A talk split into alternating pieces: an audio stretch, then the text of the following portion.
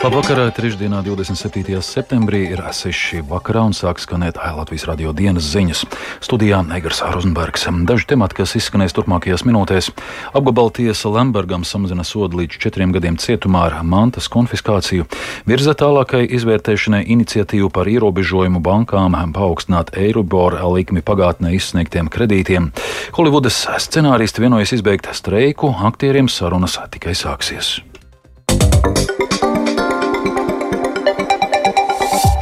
Četri gadi cietumā un mantas konfiskācija. Tādu sodu koruptīvos noziegumos apsūdzētajiem bijušajam Ventspils mēram Aivaram Lembergam no partijas Latvijai un Ventspilī apelācijas instancē piespriedusi Rīgas apgabaltiesa. Sots ir mazāks nekā tiesas nolēmumā pirms divu ar pus gadiem, taču lietas izskatīšana visticamāk vēl turpināsies augstākajā tiesā. Vairāk Jāņa Kīņša sagatavotajā ierakstā. Tagad varat apsēsties, jo nolēmums būs diezgan apjomīgs. Pamatojieties. Saīsinātā sprieduma nolasīšanai Aivara Lemberga lietā Rīgas apgabala tiesas tiesnesei Sandrai Amolai vajadzēja nepilnas divas stundas. Apelācijas instance lēmus Lembergam piespriest četrus gadus cietumā un mantas konfiskāciju. Šajā sodā ieskaitīts apcietinājumā un mājas arestā jau pavadītais laiks - teju divi gadi. Tiesa lēmus, ka pēc sprieduma stāšanās spēkā atcels Lembergam noteikto drošības līdzekli, drošības naudu un liegumu vadīt Ventspils domi. Savukārt Lemberga dēla Manrijam tiesa piesprieda vienu gadu un 11 mēnešus ilgu cietumsodu, kā arī mantas konfiskāciju. Arī Lemberga biznesa partnerim Ansim Sormulim apgabala tiesa piesprieda vienu gadu un 9 mēnešus ilgu cietumsodu un mantas konfiskāciju. Visu trīs apsūdzēto attiesājumās mantas uzskaitījuma nolasīšanai vajadzēja visvairāk laika. Tās skar gan uzņēmumu daļas un akcijas, gan nekustamo un kustamo īpašumu Latvijā un ārzemēs. Apsūdzētie, viņu aizstāvji un prokurors tiesas lēmumu noklausījās attālināti apmierināti. Pirms diviem ar pusi gadiem pirmās instances Lembergam piespriestais sots bija bargāks - 5 gadi cietumā, 20 tūkstoši eiro naudas sots un mantas konfiskācija. Kāpēc apelācijas instances sots ir maigāks, skaidrot tiesnesis Sandra Amola. Tiesa guva tādas ziņas par apsūdzētā personību, kuras pirmās instances tiesas sēdē nebija vēl. Bet nu, konkrēti mēs šodien jums neatklāsim tieši kas ar veselību. Jā, tas nebūtu pareizi, bet tas ir pamats arī samazināt sodu. 2021. gada februārī pēc pirmās instances spriedumu Lembergu apcietināja tiesas zālē un pēc apmēram gada atbrīvoja pret 100 tūkstošu eiro drošības naudu. Šodien pēc tiesas lēmuma apcietinājums nesekoja, jo Lembergs šajā laikā nesot vilcinājis tiesas sēdes un nesot pārkāpis noteiktos drošības līdzekļus. Atbilstoši tiesas lēmumam Lembergs atzīts par vainīgu kukuļņemšanā, naudas atmazgāšanā, neatļautā dalībā mantiskā darījumā, dokumentu viltošanā. Šo apsūdzības punktu uzturēšanu spriedumā pozitīvi vērtē prokurors Aivis Zalažīnskis, taču viņš nepiekrīt attaisnošanai apsūdzībās par interešu konfliktu un par īpašuma tiesību nedeklarēšanu. Līdz ar to prokurors pēc pilna tiesas sprieduma saņemšanas 11. oktobrī plāno šajā lietā iesniegt protestu augstākajā tiesā. Kasācijas sūdzību visticamāk iesniegs arī apsūdzēto pārstāvji. Līdz ar to šī 2009. gadā sāktā Lemberga lietas iztiesāšana vēl kādu laiku turpināsies. Jānis Kincis, Latvijas radio. Premjera Evika Siliņa no jaunās vienotības cer, ka viņas koalīcijas partneri no ZZS paši izdarīs secinājumus par turpmāko sadarbību ar tādām sankcionētām personām kā Aivars Lembergs. Tā Siliņa reaģējusi uz Rīgas apgabaltiesas pieņemto lēmumu tiesvedībā pret Lembergu. Premjeras šodien atrodas iepazīšanās vizītē Briselē. Es paļaujos, ka ZZS paši zina, kādā veidā viņi nākotnē redz savu darbu attiecībā ar notiesātu un sankcionētu personu. Bet katrā ziņā man ir svarīgi, lai mūsu koalīcijai nekādā ziņā nebūtu eh, nekādas negatīvas ietekmes no sankcionētām personām vai notiesātām personām. Un tāpēc man arī jāsaka, ka es esmu gandarīta, ka Kūtra kungs, kas izteicās eh, nesaprotam sabiedrībai un arī man par to, ka viņš vēlētos konsultēties ar tiesātām personām, nu, nav šobrīd eh, saimnes vadītāja amatā. Par citām vēstījumiem ierobežot Euribor likmes pagātnē izsniegtiem kredītiem. To prasa vairāk nekā 17,000 iedzīvotāju viņu parakstītā portāla Mana balss LV iniciatīvā.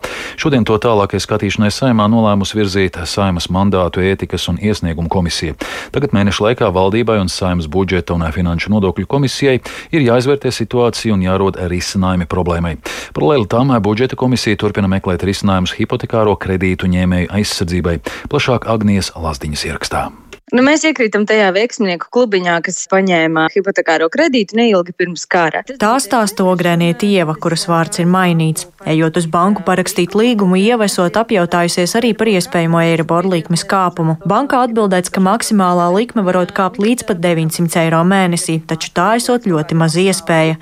Lai rīkotos apdomīgi, ģimene esot veidojusi drošības spilvenu, tomēr pilnībā izvairīties no Eiribor likmes kāpuma nav izdevies. Brīdī, kad mēs ievācāmies, mums uh, procentu maksājums bija nedaudz zem 200 eiro, tad šobrīd no tās kopējās summas procentu maksājums sastāv nedaudz vairāk kā 600 eiro. Tātad pieaugums ir trīs reizes. Ģimenē esam izskatījuši pilnīgi visas iespējamās iespējas kaut ko nopelnīt papildus, bet, protams, ka apstākļos, kad ļoti daudziem uzņēmējiem arī ir gan lielas grūtības, nu, pilnīgi visu to mīnusu mēs nevaram nosekt. Un, uh, mēs taupam, uz ko varam ietaupīt, lietojam pagaidām vēl neapēstos uzkrājumus, bet uh, nu, visi tēriņi, kas ir kaut kādi negaidīti, tie visi aiziet no drošības pilvena, piemēram, ir salūsta mašīna. Šobrīd mums arī nav iespējams atlikt apkuras sezonai, piemēram, granulu iepirkumam naudu. Portāla Mana balss iniciatīva par ierobežojumu bankām paaugstināt Eiribor likmi pagātnē izsniegtiem kredītiem divu dienu laikā savāca vairāk nekā 10 tūkstoši parakstu. Kā stāsta Latvijas Bankas monetārās politikas pārvaldes vadītājs Uldis Rutkaste, starptautiski esot pieņemts, ja kredītņēmēju maksājums par kredītu pārsniedz 40% no mājsaimniecības ienākumiem, tad tas tiek uzskatīts kā pietiekami augsts un būtisks sloks. Pēc Latvijas Bankas aplēsēm procentu likmi un inflācijas ietekmē apmēram 13% no kredītņēmējiem mēneša maksājums pārsniedz minētos 40% no ienākumiem. Tas nozīmē, ka daļai kredītņēmēju sloks ir nepanesams un ir vajadzīgs mērķēts atbalsts. Saimas komisija nolēma rosināt nodot iniciatīvas turpmāku izvērtēšanu Saimas budžeta un finanšu komisijai, kas savukārt ir uzdevusi finanšu ministrijai līdz 3. oktobrim sagatavot likumprojektu hipotekāro kredītu ņēmēju aizsardzībai. Agnija Lazdiņa, Latvijas radio. Ukrainas nevalstiskās organizācijas, kas apvienojušās iniciatīvā Tribunāls Putinam, sagatavojušas jaunu pieteikumu starptautiskajai krimināltiesai ar pierādījumiem par Krievijas armijas iebrukumu laikā Ukrainā pastrādātiem noziegumiem pret cilvēci. Šobrīd ir sagatavoti divi jauni pieteikumi ar pierādījumu kopumu, kurus iesniegs starptautiskajai krimināltiesai. Plašāk stāstā Latvijas radio korespondente Ukrainā Indra Sprānce. Jau iepriekš organizācijas eh, bija iesniegušas pierādījumus par spīdzināšanām un arī civiliedzīvotāju slepkavībām Mariupolē, tad tagad šis jaunais pierādījumu kopums tiek papildināts ar jaunām liecībām, kas šoreiz ir par mērķtiecīgām civiliedzīvotāju slepkavībām Bučā, Irpiņā un citviet Kīvas apgabalā, kā arī par nelikumīgu aizturēšanu un spīdzināšanu Harkivas apgabalā. Un, eh, kā šodien Kīvā preses konferencē skaidroja viena no pieteikuma līdzautorēm, Harkivas Harkivas cilvēktiesību aizsardzības grupas eksperte Hanna Ovdienko. Nevalstiskās organizācijas šobrīd visā Ukrainā ir piefiksējušas liecības par vairāk nekā 800 mērķtiecīgi nogalinātiem civiliedzīvotājiem. Krievijas karavīri šāvuši vienkārši pa cilvēkiem, kas bija uz ielas, gāja pēc ēdiena vai kāds centās evakuēties. Vairāk upuru bijis tieši starp vīriešiem, bet arī tie esot bijuši vienkārši parasti iedzīvotāji. Viņi nekādā veidā neapdraudēja militāru personas vai viņu noziedzīgās aktivitātes tur uz vietas. Ukraiņi uzskata, ka par šiem noziegumiem ir jāatbild nevien tiešajiem mm, izpildītājiem, kas tur bija uz vietas, bet visai mm, varas vertikālai, kas deva pavēles sākot no Putina un tad tālāk uz leju. Tā Latvijas radio korespondente Ukrainā Indra Sprānce. Amerikas Savienoto Valstu televīzijas un kino scenāristi beidzot vienojušies izbeigt gan arī piecus mēnešus ilgušo streiku, jo ir panākuši vienošanos ar producentu studijām par atalgojumu. Tā paziņojas Amerikas scenāristu ģilde. Šī streika beigas gan nenozīmē, ka darbā atgriezīsies visi aktieri, kas arī bija pievienojušies streikam. Plašāk par jaunumiem Holivudā stāsta Rihards Plūme. Kopš 2. māja streikā piedalījās vairāk nekā 11 tūkstoši Amerikas scenāristu ģildes biedru. Nozarē strādājošie pieprasīja atalgojuma palielināšanu un aizsardzību pret mākslīgā intelekta izmantošanu. Šis ir ilgākais streiks Holivudas filmu nozarē pēdējo desmitgažu laikā, un tas ir apturējis lielāko daļu kino un televīzijas filmu ražošanas. Tieši tādēļ vienošanās par tā izbeigšanu tika ļoti gaidīta, lai gan sarunas starp scenāristiem un kino un televīzijas producentu aliansi nebūt nebija vieglas. Par provizorisku vienošanos tika ziņots jau svētdien, kad pēc piecu dienu garām sarunām domstarpības beidzot šķietami izdevās pārvarēt. Amerikas scenāristu ģilde norādījusi, ka sarunu komiteja, valde un padome vienbalsīgi nolēma ieteikt atbalstīt saviem biedriem panākto pagaidu vienošanos par trīs gadu līgumu ar kino un televīzijas producentu aliansi. Streiku jau nolemts izbēgt, bet ģildes biedriem pašiem vēl būs jāapstiprina šī vienošanās, un balsojums paredzēts laikā no 2. līdz 9. oktobrim. Teorētiski scenāristi joprojām var noraidīt panākto vienošanos, taču lielākā daļa nozares ekspertu uzskata, ka oficiāla vienošanās noslēgšana vairs būs tikai formalitāte, un darbs pie televīzijas un filmu projektiem jau var atsākties, kamēr process tiek pabeigts formāli. Tātad streika atcelšana ļaus scenāristiem jau atgriezties darbā. Ņemot vērā, ka simtiem filmu un televīzijas šovu tikuši iekavēti, joprojām varētu paiet mēneši, līdz Holivuda novērsīs šo radošo projektu sastrēgumu un atgriezīsies ierastajā filmu, seriālu un šovu ražošanas ritmā.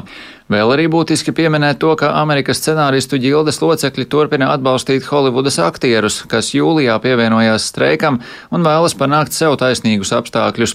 Tādēļ scenāristu streika izbeigšana vēl nenozīmē Holivudas zvaigžņu atgriešanos darbā, jo vēl nav atsāktas sarunas starp studijām un streikojošajiem aktieriem, kas ir ekrāna aktieru ģildes biedri. Viens no Amerikas scenāristu ģildes locekļiem uzsvēris, ka cīņa turpinās, līdz vienošanos panāks arī aktieri, bez kuru atbalstu atbalsta savukārt nebūtu iespējama scenāristu panāktā vienošanās.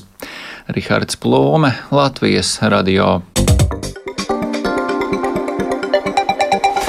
Par pusdienām Rīgas skolās 5. un 12. klašu skolēnu vecākiem, kuru bērni deklarēti citā pašvaldībā, no nākamā gada rudens vajadzēs maksāt pašiem. Tā lēmus Rīgas doma, paredzot, ka izmaiņas skars aptuveni 7000 bērnu, kur vecākiem par katrām pusdienām vajadzēs maksāt nedaudz virs 3 eiro. Vairāk Viktora Demidova ierakstā. Pusdienas bez maksas varēs visi 1-4 klašu skolēni, savukārt 5-12 klašu audzēkņu vecāki sadz daļu no izmaksām neatkarīgi no tā, vai bērns ir deklarēts Rīgā vai kādā citā pašvaldībā. Nu, nākamā gada rudens doma finansēt gatava tikai rīdzniekus, jo tā ieteica Tiesības sarga birojas un valsts institūcijas. Tā šodien teica Rīgas domas izglītības, kultūras un sporta komitejas vadītāja Laima Geikina no kustības para, lēšot, ka viena mācību gada laikā pašvaldība ietaupīt varēs ap 190 tūkstošiem eiro. Potenciāli, ja ir uh, pietiekami daudz līdzekļu, mēs varam ēdināt uh, visus rīdziniekus.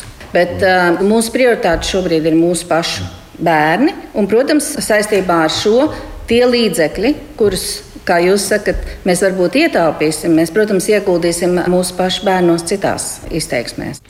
Lēmumam iebilst domas opozicionārs frakcijas saskaņa deputāts Mihails Kamiņeckis, uzskatot, ka situācija ir diskriminējoša. Es par nabagiem tagad nerunāju, par nabagiem un bagātiem. Bet kad bērns, viens bērns iesēdniecē un cits bērns gaidīs tieši tāpēc, ka jūs par to nepadomājat. Jūs nepiedāvājat šādu variantu un jūs pat taisni diskriminējat neredzīniekus. Piemēram, Ķekavas novadā no visiem bērniem aptuveni 1100 mācās kādā citā pašvaldībā, vairums Rīgā. No tiem aptuveni 350 5. un 12. klašu bērni, kuri nāk no daudz bērnu ģimenēm vai kuriem ir invaliditāte, pašvaldība pusdienas līdzfinansē, pārējiem nepalīdz.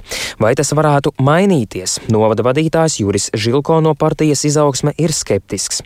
Lūk, kā viņš vērtē galvaspilsētas soli īsti pārmest nevar, jo notiek šie savstarpēji norēķini arī par eh, izglītojumu, izglītošanu. Tā kā, diemžēl, pie šīs situācijas mēs šobrīd nonākuši esam dēļ šīs sadārdzinājuma.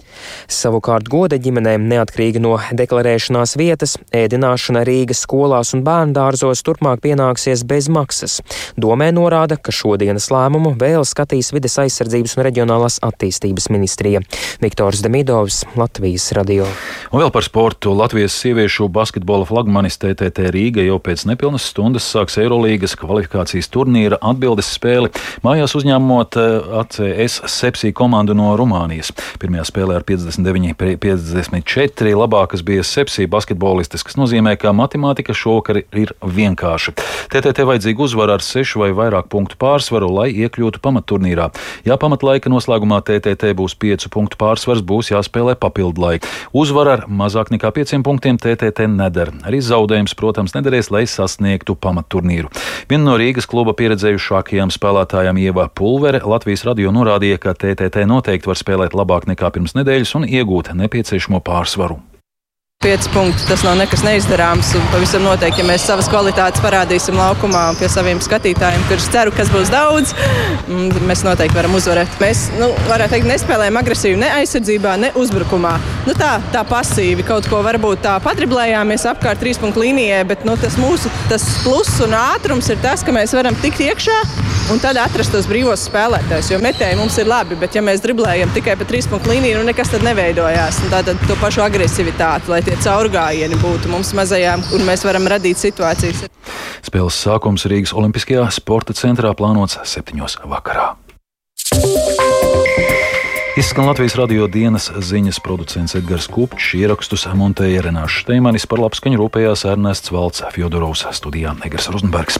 Vēl tikai par laikapstākļiem. Galvaspilsētas centrā 22 grādi lēns dienvidēji rietumu vējš, atmosfēras spiediens 770 mm, relatīvais gaisa mitrums 71%. Kāds laiks gaidāms turpmāk, prognozē Toms Brīcis. Ceturtdienu un piekdienu laiks vēl saglabāsies vasarīgs, temperatūra 20, 25 grādi. Piektdienu kurzemē un vidzemes rietumos debesis apmāksies un pēcpusdienā sāks līt, un tur arī vēsāks 16, 19 grādi. Brīvdienās būs maz saules, brīžiem līs, temperatūra pazemināsies, sestdien 15, 20, bet svētdien vairs tikai 13, 17 grādi. Tuvākās naktis būs siltas, 9, 14, piekrastē 16 grādi, bet brīvdienās arī tās kļūs vēsākas. Nākamnedēļ arvien biežāk līs temperatūra turpinās lēni pazemināties.